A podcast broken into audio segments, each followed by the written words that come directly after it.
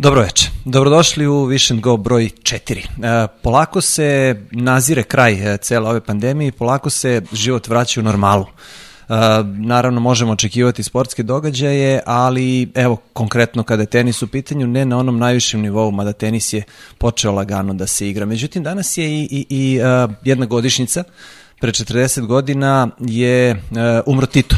E, tako da, ja viš kod tebe moram da pitam, e, e, je li on igrao tenis? Kako izgledao tenis u Jugoslaviji dok je, dok je e, sve to funkcionisalo posle rata? Znaš kako, meni, meni kad su, uh, kad sam ja počeo da igram tenis, to je bilo uh, re, ma, malo pre nego što je Tito umro, A onda, uh, jo, kako to sad zvuče stvari užasno kad kažem da sam igrao tenis pre Titove smrti, a umre pre 40 godina. Kaže, kaže da si mator. Au, to baš me onako sad, baš me zveknulo.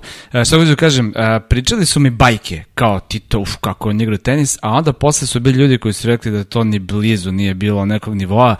On je igrao sa nekim čuvenim generalima, sa kojim imao razne peripetije i van teniskog terena, to su čuvene udbaške priče, ali ovaj, mislim da nije toliko baš bio kvalitetan sa reketom, ali evo kad si pomenuo sve znako broja 4.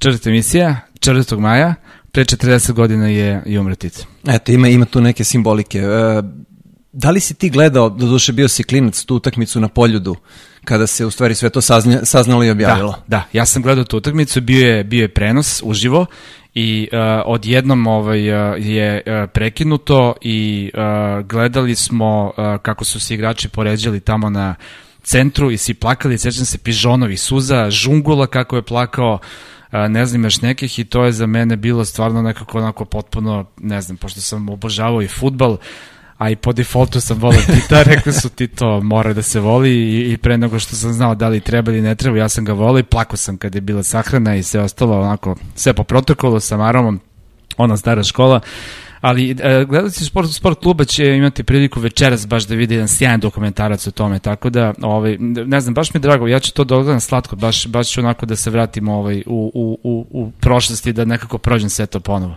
Dobro, da se vratimo sada u, u, u ovo novo vreme. Počeo je tenis da se igra, do duše ne na najvišem nivou, kao što smo to već konstatovali, igra se nešto u Nemačkoj, Dustin Brown je briljantan, prosto pobeđuje sve pred sobom. Pa e, da, dobro znaš, pošto si radio isto kao ja te mečeve, imali smo priliku da saznamo neka potpuno nove imena, Broska, Hartajs, Hasan i tako dalje. Uh, dobro, slušaj, sad se malo ove šegačimo, ali to je, uh, uh, uh, oni koji su posmatrali taj, te mečeve uh, u, kako se zove gradić, Herr Groinshäusen. Tako, na zapadu Nemačke, Na zapadu ima Nemačke. lepu dvoranu. To je ono što mora da se konstatuje. Ima, pazi, svaki nemačko, svako nemačko selo ima takvu dvora- dvoranu. E sad, uh, onog prvog dana... Da, i ovaj gradić, izvini, ima nekih deseta hiljada stanovnika, ne Tako više. je, tako je, ali ima bundesligaški tim o stonom tenisu. Tamo je sto, Sjajno. Nemci su tu fantastični, oni imaju zaista u svakom sportu imaju Bundesligu koja je ekstremno jaka i u tenisu kao što znaš i dolaze da igraju vrlo kvalitetni igrači i tenisku tu Bundesligu, ali ova dvorana je kao i svaka dvorana počela prokišnjava kada je bio prvog dana pravi pravi potop i ja sam onako iskusno pošto sam ja tada radio I pošto sam i sam toliko puta igrao u dvoranama i kada počne napolju Armagedon, ja znam da će negde da počne da, da, da, da, ovaj, eh, da sipi. Ja sam rekao, ljudi, ako sada prođemo bez toga, bit će super. I kako sam to rekao, posle tri minuta na tri mesta je počeo da prokišnjava, dakle, Nemačka, Nemačka, ali montažne hale su montažne hale i prosto ne mogu da izdrže kada krenu Nose, tako. nose sa sobom neku priču Kofe su zanimljive. stavili lepo i sačekali ovaj, da, da, da stane i onda su sve to sredili. I, ovaj, i sad sam htio da kažem, da malo se onako zavitlamo, ali to nije loš kvalitet tenisa, to je, ti momci jesu, ne znam, 400 i 500 na svetu, taj Broska koga pominjamo, Dobro, oni challenger igrači. futures čak igrači. To je, to je neki futures za zapravo nivo ili čak i college nivo, taj Broska igra, dečko college uopšte ne igra turnire, ne igra ništa, ali dotle doći, to je toliko teško, ali to je zapravo, o tome ćemo I kasnije glavna pričamo. tema i glavna tema priče. Kada smo kod toga, imamo neke onako interesantne teme danas da, da obradimo. Imamo naravno ponovo s jedne strane aktuelnosti, odnosno šta se dešavalo u poslednjih nekoliko dana. Malo ćemo uh, to prokomentarisati, ali definitivno ono što je što je tema koju smo i počeli prethodnih emisija jeste kako žive igrači koji nisu koji nisu materijalno situirani. Daj malo uvod u, u celu emisiju danas. Da, da, uh, uh, da, naravno, samo, znaš kako, pre nego što krenemo u taj uvod, ovaj, uh, uh, ajde samo da te pitam, recimo, uh, gledaš taj, gledaš taj base exhibition ovaj, i tu smo imali sad priliku da vidimo taj novi ili kako neki kažu modern tenis kako će sad da izgleda u buduće, dakle nema publike, nema skupljača lopti,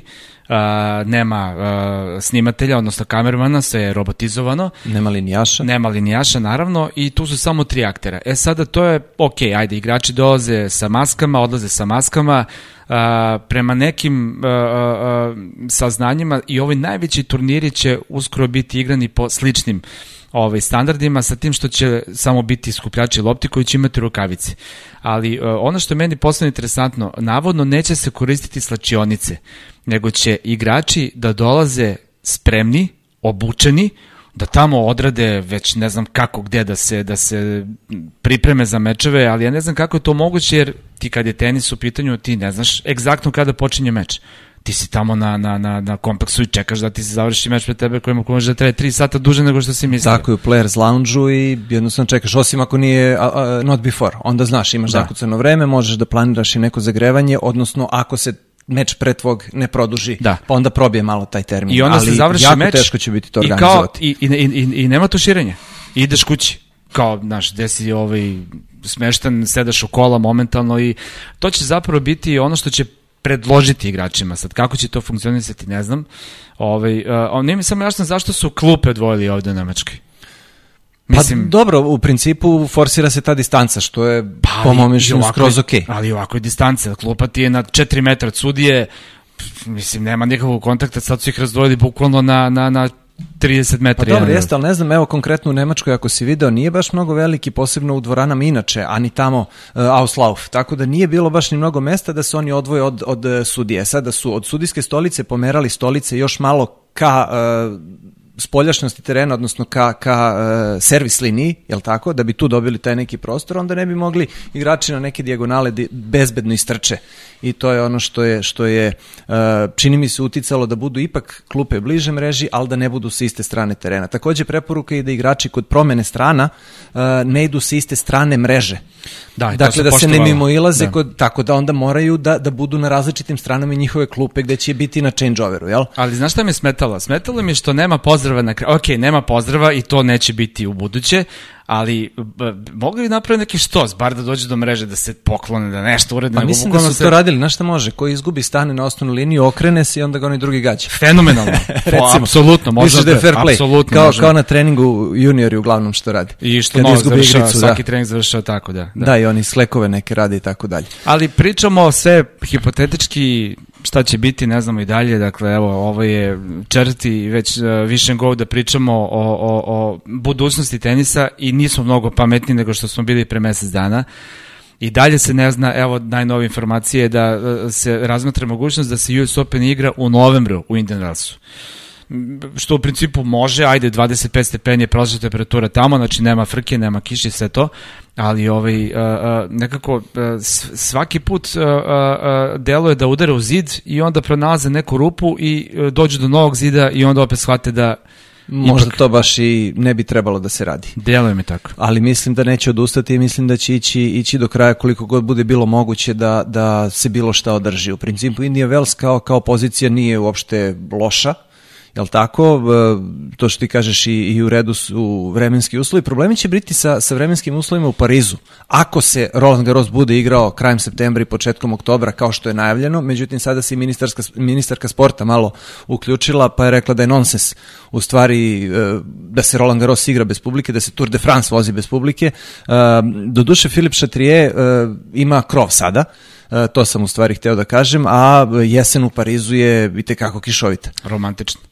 Jel, pa dobro, da, ti si pluviofil, jel tako? tako da smo naučili smo, naučili smo novu reč u jednoj od prethodnih epizoda. Um, Roland Gross bez, bez publike se neće igrati, tako je rekla ministarka. Sada zašto je to tako decidirano rekla, ne znam, a sad opet Tour de France, to je biciklizam je ipak neuporedivo lakše organizovati zbog te publike, jer ta publika može da stoji i da se poštuje ta distanca od 2 metra, tu da kažem nije toliko baš komplikovano to raditi, ali opet imaš u, u biciklizmu takođe gomilu uh, sportista, biciklista koji dolazi iz milion zemalja.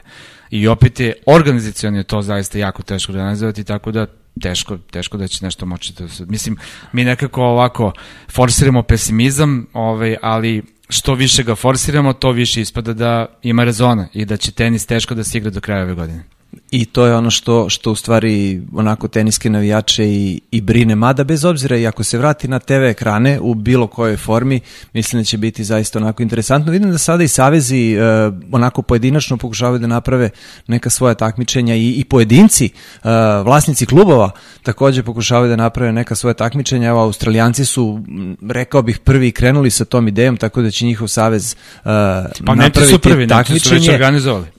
E, pa upravo to, dobro, to je, ajde da kažem, u, u nekoj privatnoj izvedbi u suštini, ne stoji e, teniska federacija Nemački za toga, ali australijanci navodno hoće da njihova federacija stane za te priče i da se igra tenis u Australiji. Australija je nekako podložna za, za, za uh, neki novi početak, e, pa se pominje čak da će se i premier liga, odnosno nastavak utakmicu u premier ligi igrati u Australiji. A to je ne, ne, neki predlog bio klubova premier ligi, što ne znam baš kako će da funkcioniše, e, ne znam koliko, mislim to je pre svega toliko teško organizovati, ne znam koliko bi i australijanci bili raspoloženi da prime sada ovaj, toliko igrače, toliko klubova i to je opet rizik, opet oni su izolovani, sada im korona apsolutno može doći ponovo putem ovaj, na taj način, ali ako im ovi ovaj, pljunu nekih pola milijarde funti ili tako nešto za to, možda će Misliš da, da je to cifra? Pa, e, e, znaš kako, e, Premier Liga gubi oko milijardu i 300 hiljada evra ako ne bude bila nastavljena.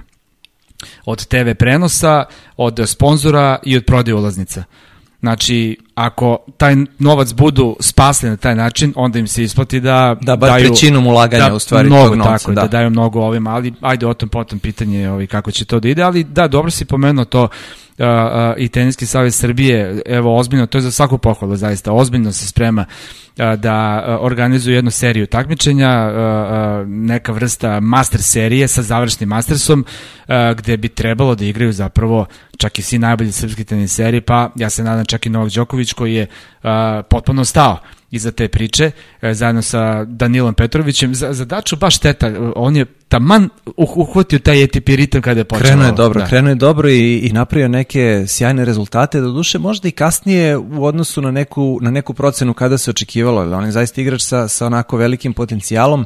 Uh, ok, ima, ima visinu i možda zbog toga malo uh, naravno i uslovljen tenis tom svojom konstitucijom, ali jednostavno tu je taj fenomenalni servis Service i stvarno je prava šteta što što i ranije nije nije e, krenuo na taj način kao što se rekao lepo uhvatio uhvatio dobar ritam. Ali eto stoji stoji neka tema iza toga stoji teniski savez iza toga uz jaku podršku i e, to bi moglo da bude lepo. A kažem javljaju se još neki klubovi koji koji slične slične ideje e, žele da sprovedu i da bi da eventualno naprave neko takmičenje da da vrate tenis uživo. Što se kaže ono sada pravim digresiju ono sa Madridom nije prošlo baš dobro kada su igrali igrice, složit ćeš se. Pa, da, da, da, mislim nisu dobro organizovani, nije loša ideja. Ali, ideja je sjajna. Da, ali, ali sama organizacija tehnika, bila... produkcija, Uh, sve svema rekao bi da je to bio jedan debakl, onako ovaj, popriličan. Uh, evo, baš sam ih hvalio, Srki je malo čas, uh, on je juče radio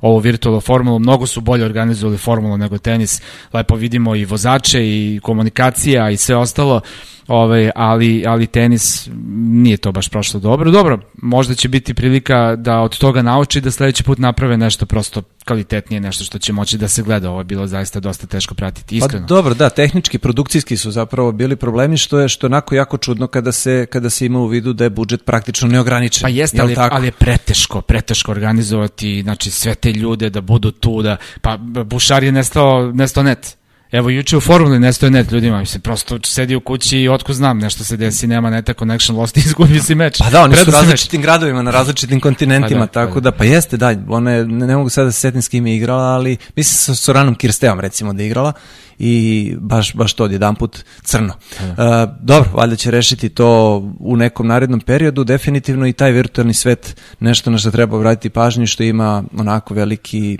veliki potencijal.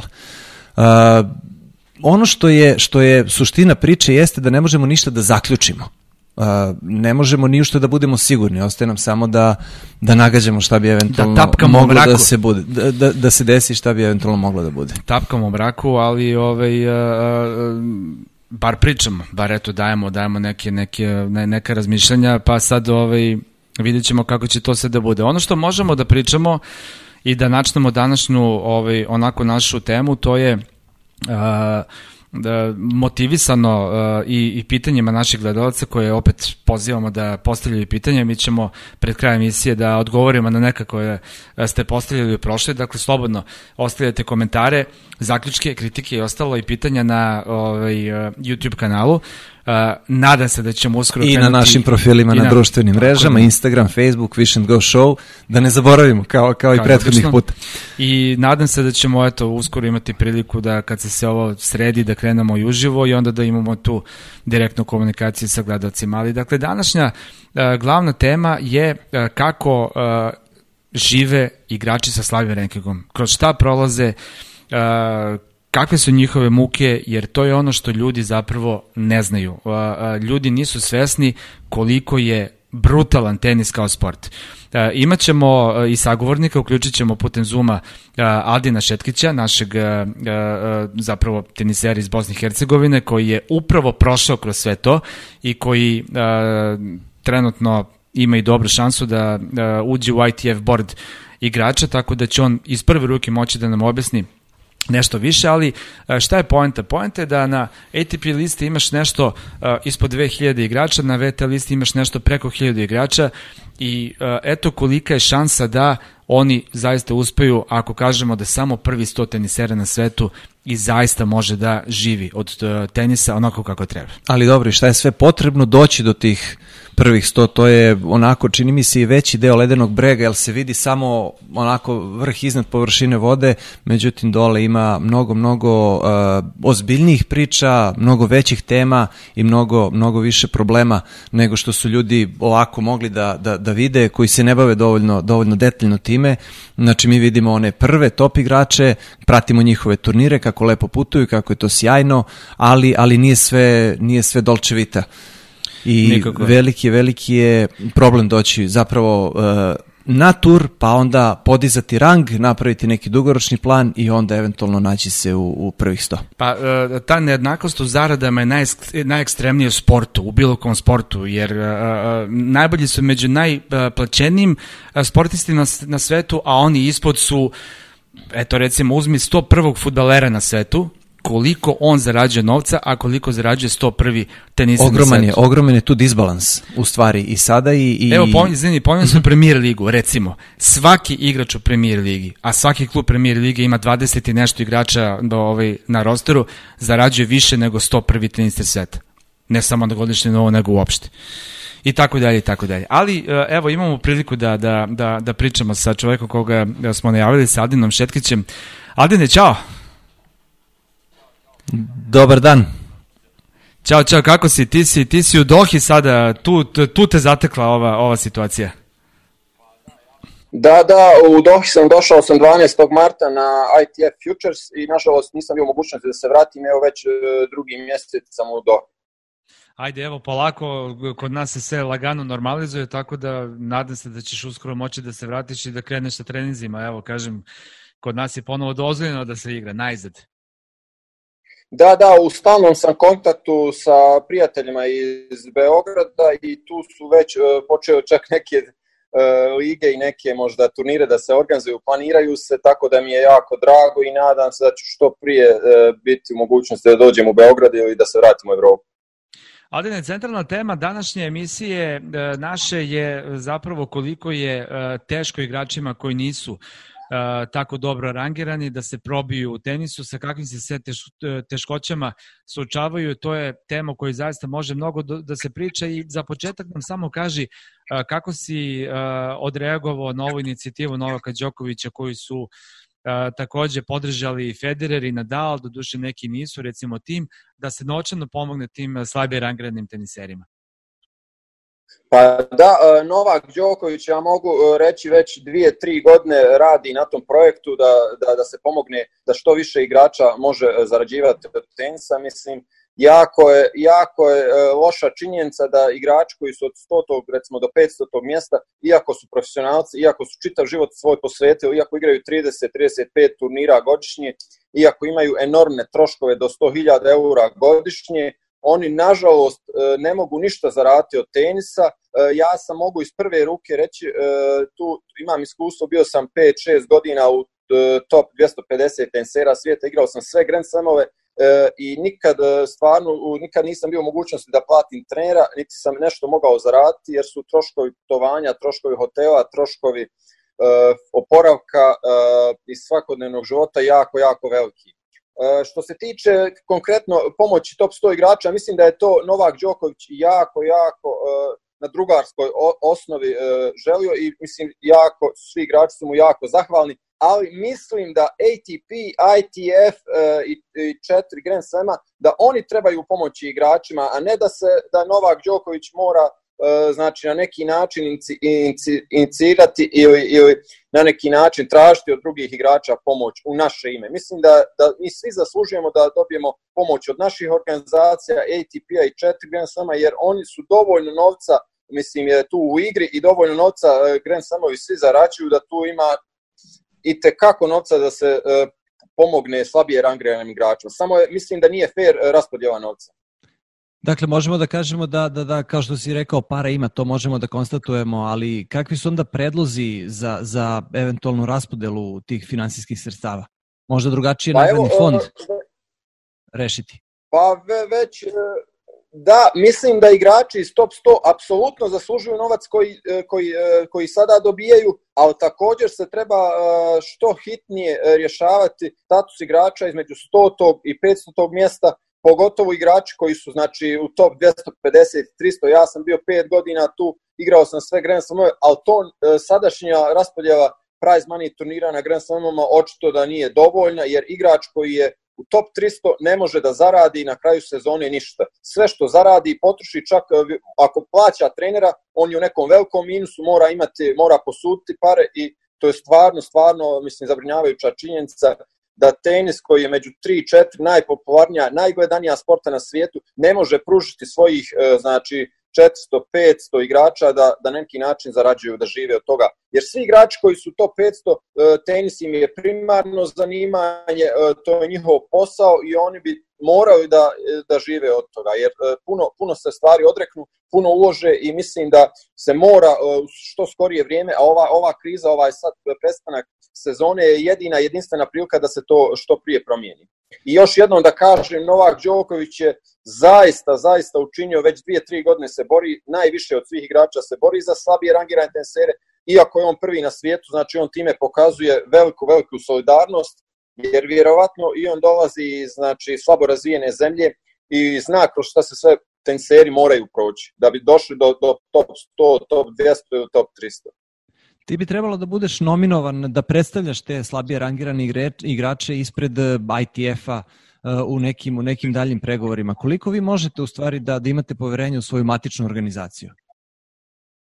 Pa evo, ITF je prije desetak dana prvi put oficijalno dopustio da igrači izaberu svoje predstavnike i ja, ću, ja, ja trebam biti nominovan od velikog broja igrača iz Evrope, zato što sam eh, 5-6 godina igrao Futures turnire, zatim sam 5-6 godina uh, prošao sve Grand Slam, Grand Slam turnire i ATP Challenger, tako da najbolje iz prve ruke iz svog iskustva mogu da znam kakva je razlika među na Challenger nivou i na Futures nivou. Mislim, Futures nivo je toliko puno igrača, ima toliko se teško prep do Challenger nivoa i mi ćemo probati nešto, znači naš, naši igrači sa Balkana će svi sigurno stati iza me da se nominujem i da probamo da izaberemo znači nekog našeg pri ITF-u, da imamo znači bar neki mali uticaj i da probamo se boriti za futures igrače, jer to svi zaista zaslužuju. Toliko mladih igrača tek treba da uđe u futures uh, tour i mislim da, da u ovim uslovima sada jako teško će im to biti. Treba nešto učiniti da se što bolje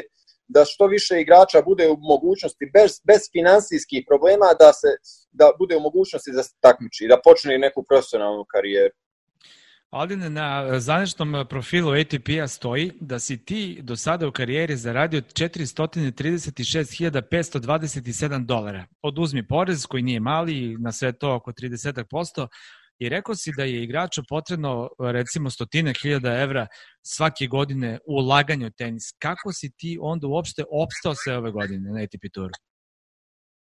Pa, e, kao što je poznato, ja dolazim iz Bosne i Hercegovine. Bosna i Hercegovina je toliko siromašna zemlja, e, čak siromašnija dosta i od Srbije i zaista ja nikako nisam imao neku e, podršku saveza, podršku države. E, sve što sam ja uradio je isključivo e, moje, moje zalaganje i najveći trud i zalaganje mojih roditelja koji su čita svoj život, e, sve svoje E, financije su podredili mom putu u tenisu i ja mogu reći da sam bez ikakvog profesionalnog trenera, nikad nisam bio u mogućnosti da platim nekog e, profesionalnog trenera, došao do 165. pozicije, tu sam bio 4-5 godina i zaista mislim da je danas e, skoro pa nemoguće približiti se top 100 najboljih na svijetu bez nekog tima, bez tenskog trenera, bez menadžera. E, ja zaista evo mogu iz svog iskustva reći e, da se zahvalim znači mojim prijateljima, mom ocu koji su svoj čitav život posvetili tome da ja budem u tenisu i zaista stvarno evo kada ste vi pomenuli te cifre koliko sam ja zaradio i koliko sam uložio mislim eto svako može izračunati koliko sam ja e, uložio u svoj tenis i koliko će svi, svi koji su prođu moj put u kakvom minusu će ostati. Znači, sve je borba za goli život. Ti se sam snalaziš za avijanske karte, ako nađeš nekog sponzora, super. Za smeštaj, ako imaš nekog prijatelja, ostaneš kod njega, verovatno. Čak ono što je zaista potpuni nonsens, igrači sada plaćaju i kotizacije za one slabije turnire, odnosno za Futures i Challengere. Pa da, mislim, svi mi igrači, svi, svi koji su putovali bar jednu sezonu, ja sam 10 sezona, već 10-11 e, sezona tako putujem, svi znaju kako je to snalaženje, koliko mi imamo problema sa vizama, recimo, sa e, avionskim kartama, sa smještajem, jer e, recimo kada igrate na Challenger Touru 5-6 godina, vi morate svake sedmice putovati s jednog turnira na drugi Znači, na Challenger Touru ne postoji dva, dvije sedmice da imaju turnir na istom mjestu. To je znači konstantno putovanje 30-35 sedmica iz sedmice u sedmicu. Tenis je jedini sport koji nema uh, neku off-season. Off-season znači u decembru koja traje 3-4 sedmice, to su maksimalno da se pripremimo i to je jedi stvarno, stvarno jedan od najtežih sportova, a u sve to, znači, on je među 3 i 4 najpopularnija i najgledanija sporta. A što se tiče uh, te kotizacije, da na, da na ITF turnirima, evo, to ja baš želim da promijenim, znači, jedna od prvih će biti uh, stavki da se promijeni, igrači da bi učestvovao na ITF turniru moraju da plate 40 dolara ili 36 eura samo da bi znači učestvovali. Što stvarno za profesionalni tenis nema smisla, znači iako svi igrači na početku godine plate 65 dolara da budu registrovani i plus znači na tih 65 dolara svaki turnir se mora platiti 40 dolara da bi se samo uh, igralo. Mislim, stvarno to nema smisla za profesionalni tenis. U sve ove troškove i taj još trošak.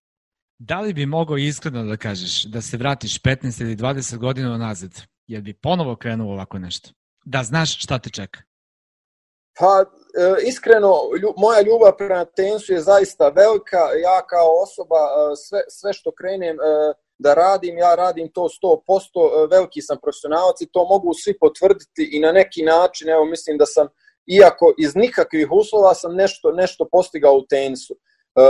Ali vidite šta će biti problem. Biće problem kada sva djeca vide moj primjer, kada vide primjer svih mojih drugova, koji su sve isto prošli, jako puno djece će odustati od toga, neće htjeti da igra, znači već se stvorila slika da je tenis izuzetno težak, da je gotovo nemoguće ući u top 100 i sve su to faktori koji su demotivirajući za mlađu djecu. Tako da je meni žao e, što ćemo toliko djece sa Balkana vjerovatno neće imati hrabrosti da krene u profesionalni teniski put i bit će, kao što i do sad ima, samo neki e, specifični izuzeci koji nisu produkt sistema, ali je jako, jako loše zato što smo mi sa Balkana, zna se čitava regija jako, jako talentovana i to se dokazalo u svim sportovima, tako i u tenisu i mi moramo se svi boriti da pružimo znači, e, mlađim generacijama što lakši put da, da, da dođu, da se mogu takmičiti bez e, finansijskih problema. To je prvo, prvo znači osnovno. U principu problem je ovde i nedostatak e, turnira u regionu. Italijani, na primjer, ne moraju da izađu uopšte iz Italije da bi, da bi igrali Futures i Challengere.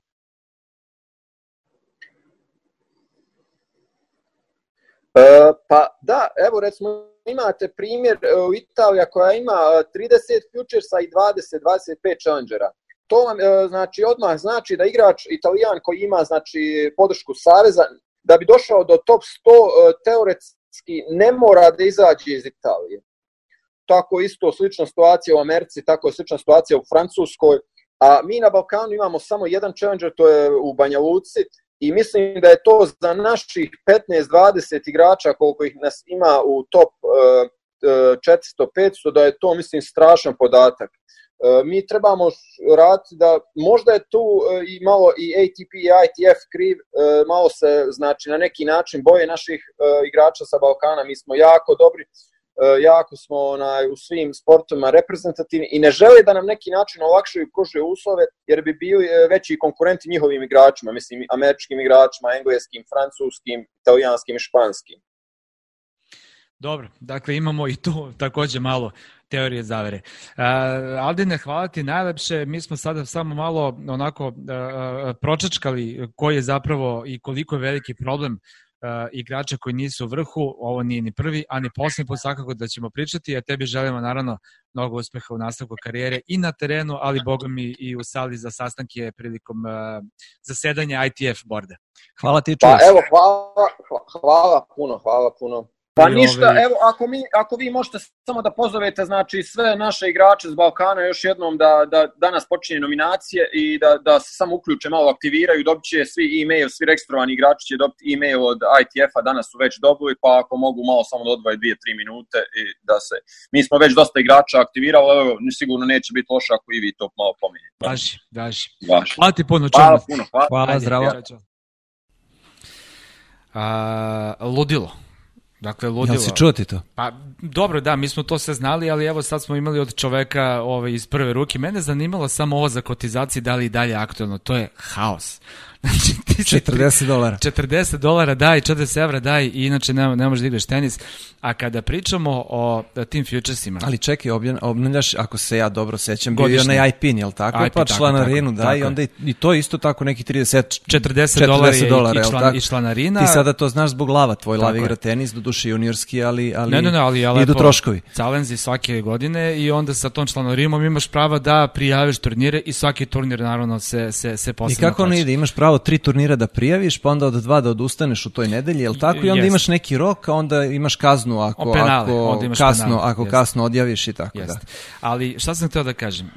Evo, i, i, i Alden je, stalno se ta stotka pominje kao, kao neka granica, i jeste neka granica. Zašto? Ako si prvi sto, onda uh, uh, ulaziš na te Grand Slamove, ulaziš u glavni žeb, nekad moraš da igraš kvalifikacije, se zavisi kad je cut, cut off, naravno. Uh, verovatno i u nekim ugovorima sa nekim sponzorima imaš neko, neke bonuse i tako dalje.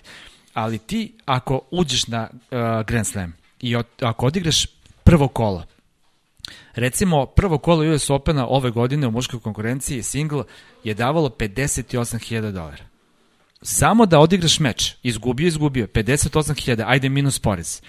A vidi, pobednik Futuresa jednog. Zavisi da li je 15, 15 10 plus da. hospitality ili ne. Pobednik Futuresa dobija uh, 15 plus hospitality je nešto preko 2000 dolara.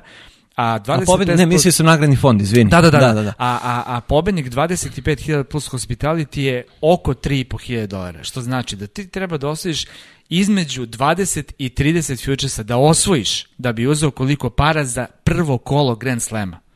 I to nije normalno. E, I sada, sada dolazimo do te priče. Uh, dakle, definitivno novca ima. To je zaključak onako opšte ove teme, ali je loše raspoređeno. da, I, da, I mnogo ili... primjer u životu možemo naći, naći takvih. Uh, e sada, četiri Grand Slema godišnje, ti uzmeš 50.000 dolara na Grand Slamu puta 4, to ti je, to ti je 200.000 za tu godinu. Aldin je rekao da je oko 100.000, mada ide i preko, uh, trošak igrača da uopšte putuje i da se bavi tenisom, da trenira, da ne znam, španuje rekete, dakle sada onako u, u, najsitnije detalje možemo, možemo da uđemo, dakle uh, boravak u prvom kolu na sva četiri Grand Slema tebi omogućuje da isplatiš tu sezonu i da ti još nešto malo ostane preko. Sve ostalo je neki bonus. E zato je bitno ući u prvih 100 I tu je, tu je suština, ali stravično je teško, ne samo zbog, zbog uh, svega što treba da se postigne. Nije, mislim sad koliko god to smešno zvučalo, nije problem danas naučiti dete da igra tenisa koje ako je talentovano može da lupi servis 200 na sat. Nije to toliko sporno, ali, ali da li će u toj količini igrača uspeti da, da nađe svoje mesto pod suncem, pa na kraju kraju da ima malo sreće, ali mora i sreće da, da te posluži da bi se to desilo, jednostavno ne samo da imaš kvalitet koji, koji mora tu da bude neosporno, uh, to je, to je sve jako, jako teško uh, povezati i doći uopšte do toga kada toliko ljudi na svetu danas igra tenis. Znaš šta, ima tu i jednog malo kockarskog momenta, ali bukvalno pravog, jer ti ulaziš u to, svestan da su jako male šanse da ti od toga zapravo i dobro živiš i da napraviš nešto. Ali taj 1% koji ostaje je ono što te tera da ideš dalje. I to je kao kad uđeš u kazino i staviš sve na broj 17 i moliš Boga da će baš to da bude. Ove, ovaj, dakle, Jeste. bukvalno, bukvalno postoje te studije koje se bave a, paralelom zavisnosti od kocke i a, a, sportom, ali tenis je uzet kao konkretan primjer baš zbog te brutalnosti i načina, na komplikovanog načina doći do, do samog vrha.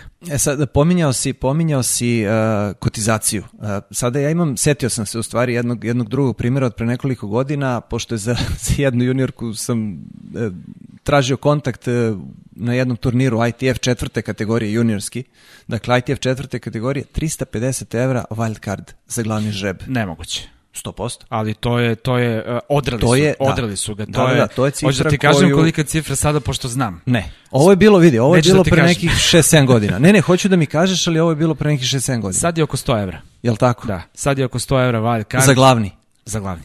Da. To je okej. Okay. Pa mislim, nije okej, okay, ali, ovaj, ali pa, eto, prosto... mnogo bolje nego 350, tako, koliko tako. je traženo tada. Mislim, da, ali eto, i, i to je jedna od stvari koje ne valjaju tenisu i koliko ih samo ima zaista što kažemo sa Aldinom, možemo da pričamo do sutra. Ajde samo još jednu stvar pa da polako završamo temu. Šta misliš, da li smo i mi mediji na neki način krivi i uh, uh, generalno javnost i Vox Populi što dolazi do toga? Jer uh, svi mi glorifikujemo toliko ove najviše da se na taj način apsolutni fokus i finansijski i medijski i svaki ostali stavlja na, na te igrače i sponsorima su oni jedino interesantni.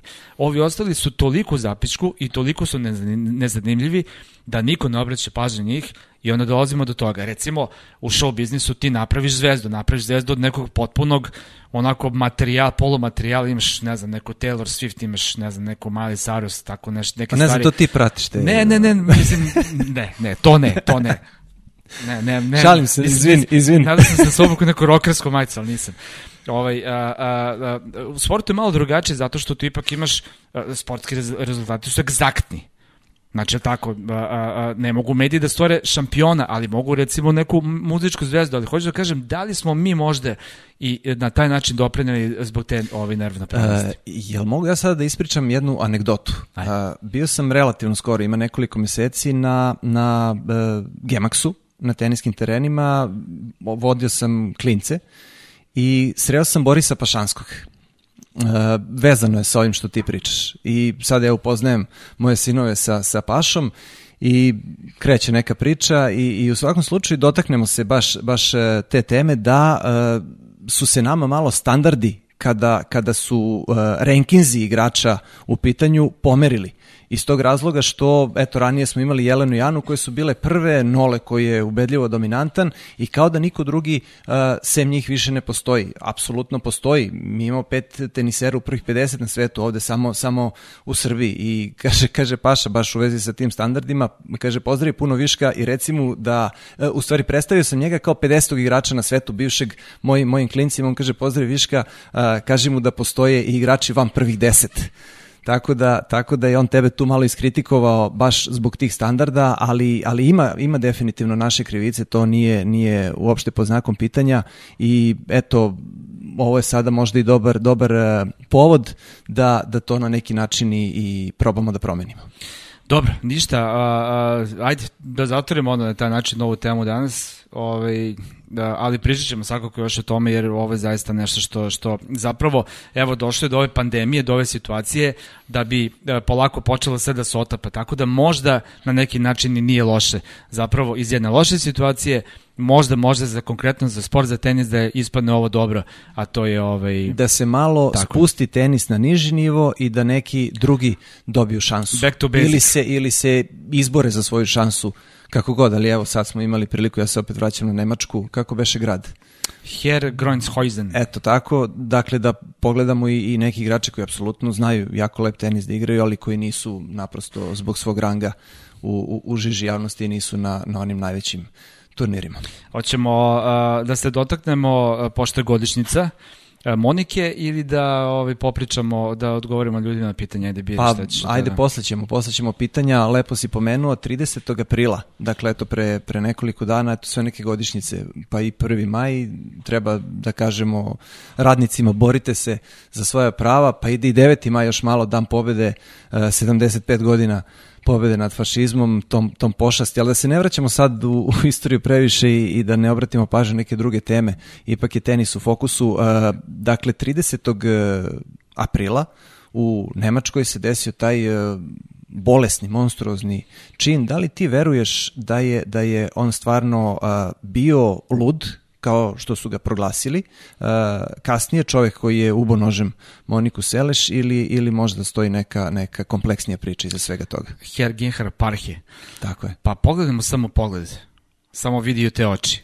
Čovjek Ma manijak, monstrum, nema, nema greške. Čovjek je 100%. Znači, znam da je bilo svakakve priča i da je to možda zato što je Monika to, ona je tada još uvijek bila Jugoslovenka, u stvari, ovaj, da je bilo to, znam da je nemački uh, nemačka služba je, je sve moguće resurse upotrebila, pošto je ogroman bio skandal, naravno, i da nisu našli ništa što bi ovaj, ukazalo na tako nešto. Čovjek je jednostavno bio bolestan, uh, opsednut uh, Štefi Graf i to što je uradio je uradio u trenutku totalnog mentalnog ovaj rasula. Mislim da prosto nema, nema ništa više toga zaista. Nisam sad ulazio u tajne spise i tako dalje, ali zaista ovaj, ne verujem u neku teoriju zavere previše to. Monika je u tom trenutku bila najmlađa šampionka Roland Garrosa, bila je apsolutno dominantna 91. i 92. godine i to je potpuno poremetilo ženski tenis generalno. I poremetilo parke. Sve, da, da. da uh, ona je do tada već imala osam osvojenih Grand Slamova. To je zaista onako neverovatno i, i u stvari ona je 88. skrenula pažnju na sebe kada je, kada je u finalu jednog turnira u, u, u Americi, čini mi se, dobila, dobila Chris Evert. Doduše, Chris Evert je tada bila na zalasku karijere, daleko od toga da, da uh, hoću to da kažem da sada nešto diskredituje Moniku, ali definitivno, definitivno je jedna uh, strašna teniska karijera i, i, i uh, i prekinuta i na taj način je onemogućeno da zaista dobijemo možda i rekordera po, po ženskom broju uh, Grand Slamova. Pa možda, možda da, ona je posle toga samo uzela još jedan Grand Slam, ovaj, to dobrih recimo 4 godine, 3-4 godine posle, ali uh, ona je imala uh, velike psihološke probleme da se vrati. Sam ubod, sama rana nije bila velika, to je bio ubod od centimetar i po, dakle to je Tako je, to, i to je, je to je zalečeno za nekoliko nedelja. Da, ali izvini, moram da kažem, onim velikim kuhinskim nožem gde sečivo bilo 15 cm, tako da je i, i, i na neki način i sreća što uh, nije, pa, uslovno rečeno, zbiljnije povređena. Kako ne, naravno, hvala je... Bogu. Samo hoću da kažem da je, da je fizički bila spremna da igra bukvalno posle mesec dana, ali takav, takav, takva stvar je na nju. Različiti su ljudi, evo šta se desilo Kvitovoj. Ona se, da. tu, ona se tukla sa napadačem u kuću, krenuo na nju, na nju nožen čovjek te da je ubije. Ona je posle, ne znam, meseci i po dana počela da igra ponovo tenis. Jednostavno ima tu razne stvari, a ima još jedna stvar, Monika je bila ozbiljno osigurana. Dakle, ona je dobila milione, milione zbog toga što je dobila više para što nije igrala. Mislim, niko to naravno ne bi poželao, niko, niko ne radi to ali ovaj ali i te kako je uh, umala da naplati tu tu tu tragediju koja koja se desila i u pravosti dakle definitivno da se uh, uh, bolesnik Parhe nije pojavio možda bi sada ta neka istorija tenisa izgledala mnogo drugačije. Ja vidiš, to me sada asocira na, na, na uh, jednu drugu, ali opet povezanu temu. Pomenuo si Petru Kvitovu, kojoj je bila isečena leva ruka i bilo je pitanje uh, uopšte da li će imati funkciju kompletnu leve šake. Ona ne samo da je uspela da se izbori s tim, nego se vratila na teren i počela ponovo da igra fantastičan tenis. I Monika, još je levoruka. I još je levoruka, da, da. Uh, Monika, sa druge strane, uh, govorim sada o, o mentalnom statusu, o snazi u glavi. Monika je posle svega uspela da se vrati na teren. E, čak i njen otac, koji je naravno i, i zaslužan za, za njen e, teniski razvoj, e, se teško razboleo pa i preminuo usled te bolesti. Ona je svega nekoliko nedelja nakon toga otišla do finala Roland Garrosa. Mislim da je 98. godina u pitanju. Koliko u stvari moraš da budeš pa na neki način i u tom m, m, disciplinovanom pomračenju svesti jak da, da se baviš ovim sportom. A verovatno moraš da budeš gromada, stena, ne znam, ne znam. Zato stalno pričamo koliko glava je bitno u tenisu. Zato sam i hteo to nam, da. namerno da, da, da uh, potegnem kao pitanje. Da, da, slažem se potpuno sa tobom. Samo bih dodao na kraju, ovaj, jako dobro se sećam, pazi, 93. Odvra, preodvratno vreme i desilo se to sa Monikom, a dva dana pre toga se desilo ono sa Bobanom Jankovićem kada je nabio glavom ovaj, ispod konstrukcije I, to. i kada je ostajao, nažalost, u stolici do kraja života i meni, ja sam ti dana bio fazono ljudi, šta se dešava, moguće puške na sve strane i tako dalje, ove odvratne stvari, dakle, zaista nekako, uf, kad se setim toga, baš mi onako ne deluje nekako sve, ne ponovilo se. Uh, vrtiš tu loptu po rukama, moram te pitan, taj se US Open, je li tako? Ove su US Opena, imamo sve neke... četiri. Imamo sve četiri. US Open, Australija, šta je ovde? Roland ovde Pariz. A, Pariz, da. da. A Dedem je Wimbledon. Eno ga tamo iz, na reketu. Imamo Wimbledon, imamo Matka se nervira, uvek mu ovaj, pomeram loptice, ali ovde imamo pozadi ovaj, uh, sa, sa Đokovićem i sa uh, sa, sa Federerom loptica, ali to ćemo, to ćemo da pokažemo neki Sa potpisima njihovim. Sa potpisima, naravno. Da. da. Sa originalnim potpisima, sa pravim autografima. Ima, e, ajmo, ima i nekih koje, koje nisu sa takvim. Ajmo, ajmo, ajmo malo na pitanje da... Ovaj, da e sad, da, da ovako, pitanja gledalaca, pa bili su vrlo konstruktivni. E, bili su vrlo konstruktivni. E, krenut ćemo od pitanja koje je postavio Proud and Strong. To je, to je Nick Uh, Ponosan jak. Kaže, može li mala informacija oko Serbija Opena koji se igra u Beogradu, kako je došao, što se završio nakon četiri godine i da li ima indicija da bi eventualno neki ATP turnir mogao da se vrati? Meni je to bolna tačka.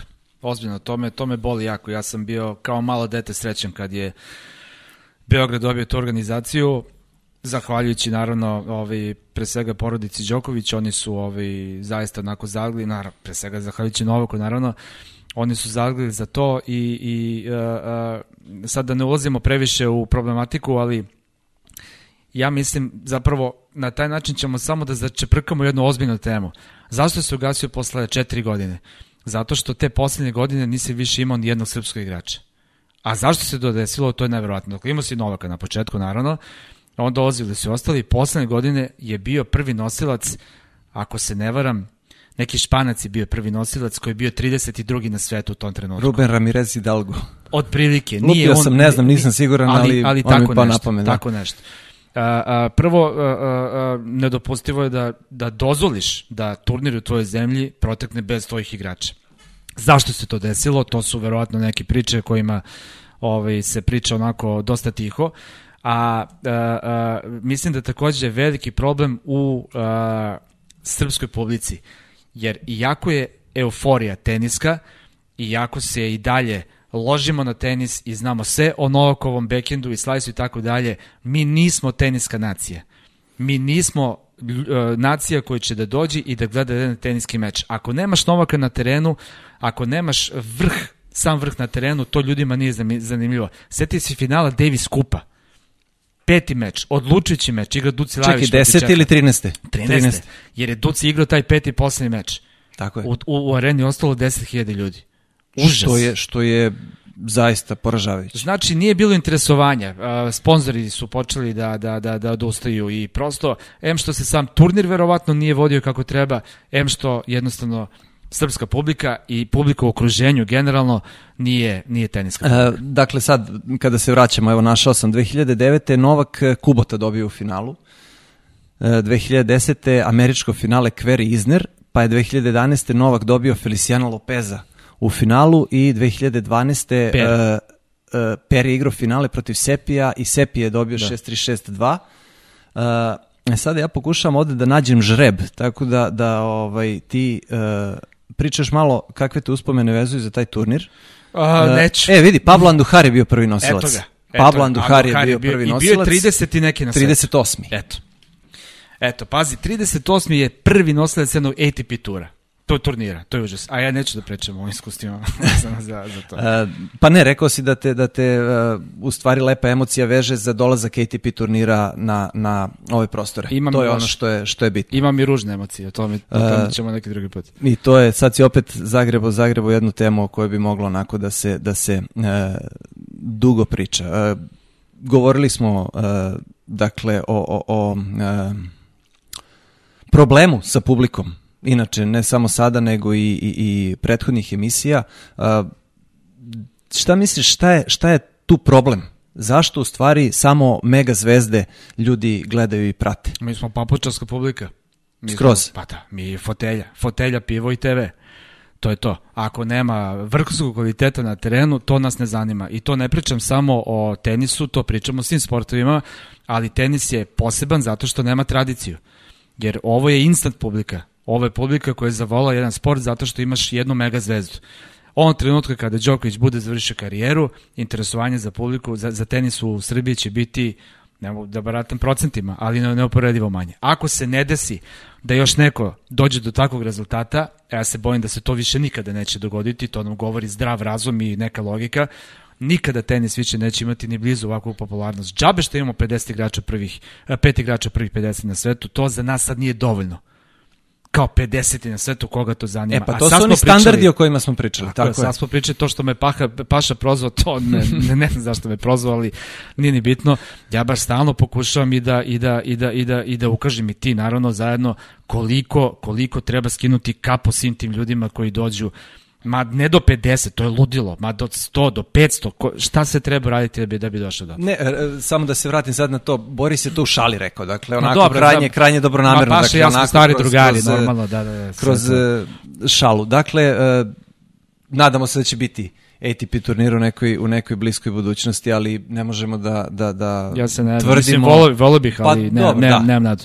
Da, uh, Ivan Kuzmanović pita uh, koliko je glad tenisera tokom odrastanja i stasavanja u profesionalnog igrača presudna za dostizanje najviših ciljeva u odnosu na one koji imaju obezbeđene sve potrebne uslove za razvoj, trening i život uopšte.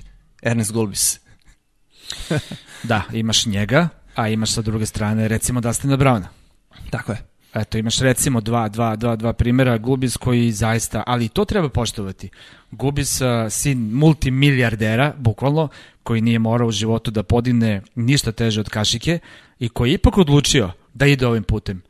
Vero, u jedno, sa tim neverovatnim talentom, verovatno u jednom trenutku, ipak a, rekao, čekaj, čekaj, ne, ne, pusti, ne, ne, mogu, ne, ne mogu jedan trening dana, znaš, i onda krene se nizbrdo. Deluje mi da je bilo tako, inače sa onim talentom, on je zaista mogo da uradi sve u tenisu, ali bukvalno sve u tenisu. Jeste. E, glad mora da postoji, to, to nema diskusije. Sad neki to definišu kao beg od siromaštva. Da li je to baš tako i to je, i to je pitanje. Uh, ono što može da se zaključi jeste da, da, da neki motiv, da neki pokretač pa i na osnovu toga mora da postoji. Uh, ali da li on isključivi jedini i da samo on vodi igrača napred, ne to, samo. Je, to je pod znakom pitanja, ali evo gledaj sada uh, problem, problem sa, sa američkim tenisom, problem sa australijskim tenisom, pre svega australijskim, posle onih uh, generacija fenomenalnih igrača, uh, oni nemaju nikog, da li je njihovoj omladini dobro i neće da idu na teren da se muče?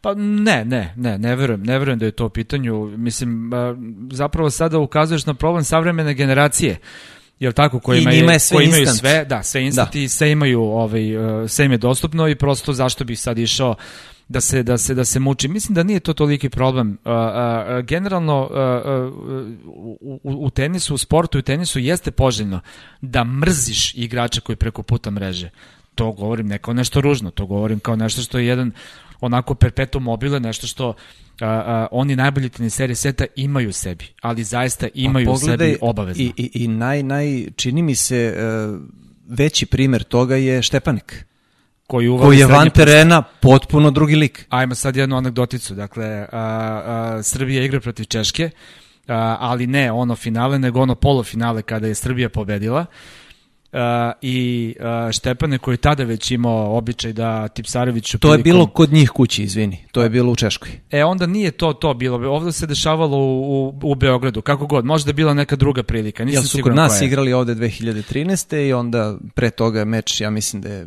a možda i grešim, izvini, što ste prekinuo, ajde, nastavi. Znam samo da je uh, Srbija dobila taj meč i uh, organizovali su uh, neko slavlje u nekom klubu, ali zatvoreno slavlje srpski teniseri. Pre toga već bila situacija da Štepane srednje prst uvali Janku umesto pozdrava i tako dalje, onih nekih miliona momenta. I u jednom trenutku dolazi obezbeđenje kluba i kaže ovde neki lik kaže da je teniser, kaže neki hoće bo, sa vama. Bolero. Dolazi Štepanek u 4 ujutru, ne zna gde je, i dolazi, kaže, gde ste braćo i provodi se sa njima do ko zna kada. Znaš, prosto na terenu padne neka roletna i ti si drugi čovjek. A van terena za tog Štepaneka svi kažu da je fenomenalan lik a na terenu je, znači, i pa imič... na kraju krajeva i bio je, i bio je kod Novaka u, u timu neko vreme. Ma da, bre, on je potpuno okej okay, dečko, ali jednostavno ima taj neki, neki, neki switch u sebi kad je na teren pritisne neko dugme, nekomu pritisne neki đavo u njemu, neko dugme i to je drugi čovjek. Uh, suma sumarom, glad mora da postoji, uh, to je osnovni pokretač definitivno, uh, nije isključujući, Ne znači da ako tenister nema tu glad da ne može da napravi veliki rezultat, ali svakako značajno olakšava posao. Uh, idemo dalje. Uh, Vanja Granula kaže da je uh, da li je kasno početi trenirati tenis sa 18 godina bez obzira što, što se ranije u mladosti trenirao tenis. Nekada davno. Pa kako da odgovorim, sad možemo onako šablonski, nikad nije kasno, jer tenis je jedna divna igra koju kad god da naučiš da igraš, bit će ti super do kraja života. Uh, ali za vrhunski tenis je kasno. Za vrhunski tenis, da, zavisi naravno opet koji su motivi šta, šta se želi postići. Pa, ovaj, on, je, on je rekao da je već igrao pre toga, ali um, sad opet, ovaj, naravno ne znamo, ne znamo tačno konkretnu situaciju. Uh, uh, tenis se danas počinje igrati sa bukvalno 4-5 godina.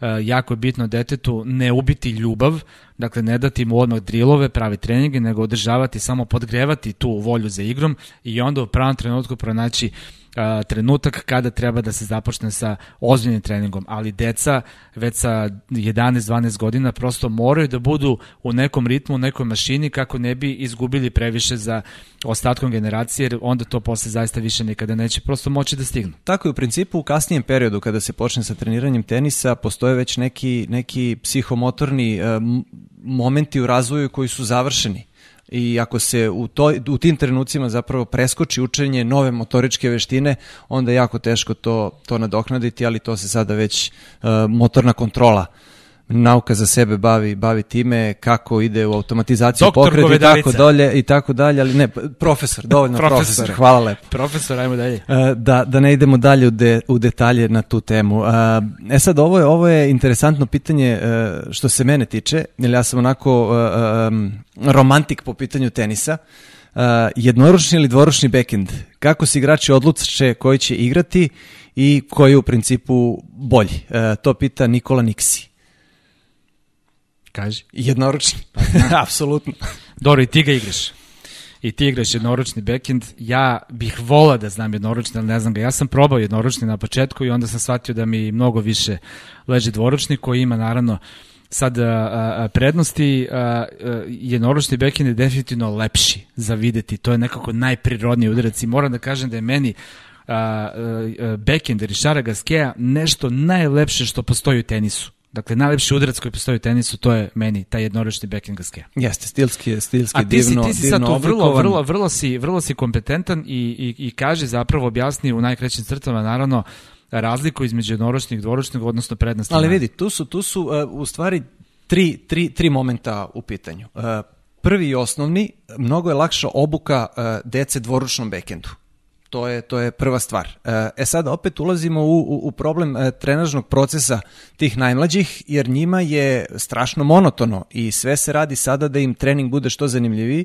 Njima je monotono da konstantno ponavljaju isti pokret iz početka, iz početka. Daj ti meni poene, daj da se ja takmičim, daj da, da uh, nekako drugačije upoznajem tenisa, ne samo suvoparnim ponavljanjem pokreta i zato i postoje svi ovi programi sada Plan Stay i tako dalje za te, za te najmlađe. Dakle, prva stvar, mnogo je, mnogo je lakše uh, obučiti dete dvoručnom bekendu. Druga stvar, tenis kao takav se promenio značajno u odnosu na to kada je jednoručni bekend bio dominantan udarac. Ali taj, taj, ta transformacija tenisa, ta evolucija tenisa traje već nekoliko decenija. Tako da smo od e, zapravo početka 90-ih u stvari svedoci a, a, da se dvoručni bekend sve više i više igra, sve više i više koristi. A, I treća stvar, a, e, a povezana je sa promenom tenisa, jeste ta da je taktički mnogo, mnogo univerzalniji i mnogo bolje može da se iskoristi sa načinom na koji se sada igra iz tog razloga što su lopte mnogo brže, oštrije, e, na kraju krajeva i, i, i pa dešava se tu i, i, i um, promena u rekvizitima, uh, ali mnogo je uh, lakše igrati dvoručni bekend, mnogo je lakše vratiti snažan servis dvoručnim bekendom, jer nekad nisi ti imao servise koji su išli 220 na sat. Uh, sada, će, sada će ili neki defanzivni slajs da bude kao return, ili ćeš da zakasniš na taj udarac i onda nećeš moći ništa da napraviš. Kad dakle, da imamo, naš... uh, mogli bi da igramo. Dakle, imamo samo, evo da, da, da sumiram, vratit ću se na tu temu, jer mi je vrlo interesantna. Dakle, imamo, imamo uh, lakšu obuku, imamo uh, bolje korišćenje udarca, Imamo naravno tenis koji se kao takav promenio gde mnogo bolje može da se iskoristi dvoručni bekend. Kako, Izvoli, pro, kako profesor voli kad uđe na svoj teren. kako voliš kada kreneš ovo svaka čast. Mislim, sve stoji naravno što si rekao, ove, ali ja hoću da te pitam kad ćemo da odigramo od mi jedan meč, jer ove, oni prošli ne mogu da, kao Bakije na 25. maju, ne mogu da prežalim što sam imao meč loptu, dobio si na kraju. Čekaj, ali moraš onda da ispričaš sve. Šta? Šta sam uradio na meč loptu? Zabor... A liniju si pogodio, liniju si očistio. Da, Izašao na već... mrežu i da. tako dalje. Dakle, glava, Viško. Glava. Glava. Dobro, uh, imaš neko pitanje? Ima, ima. Uh, u stvari, ne, to je to. To je to. To je to je otprilike to što je što je stiglo, što bismo izdvojili. U stvari da samo ima jedna jedna tema uh, koja je ajde manje više konstatacija uh, da verovatno Nik Kyrgios ne bi se ponašao tako da nema pažnju publike.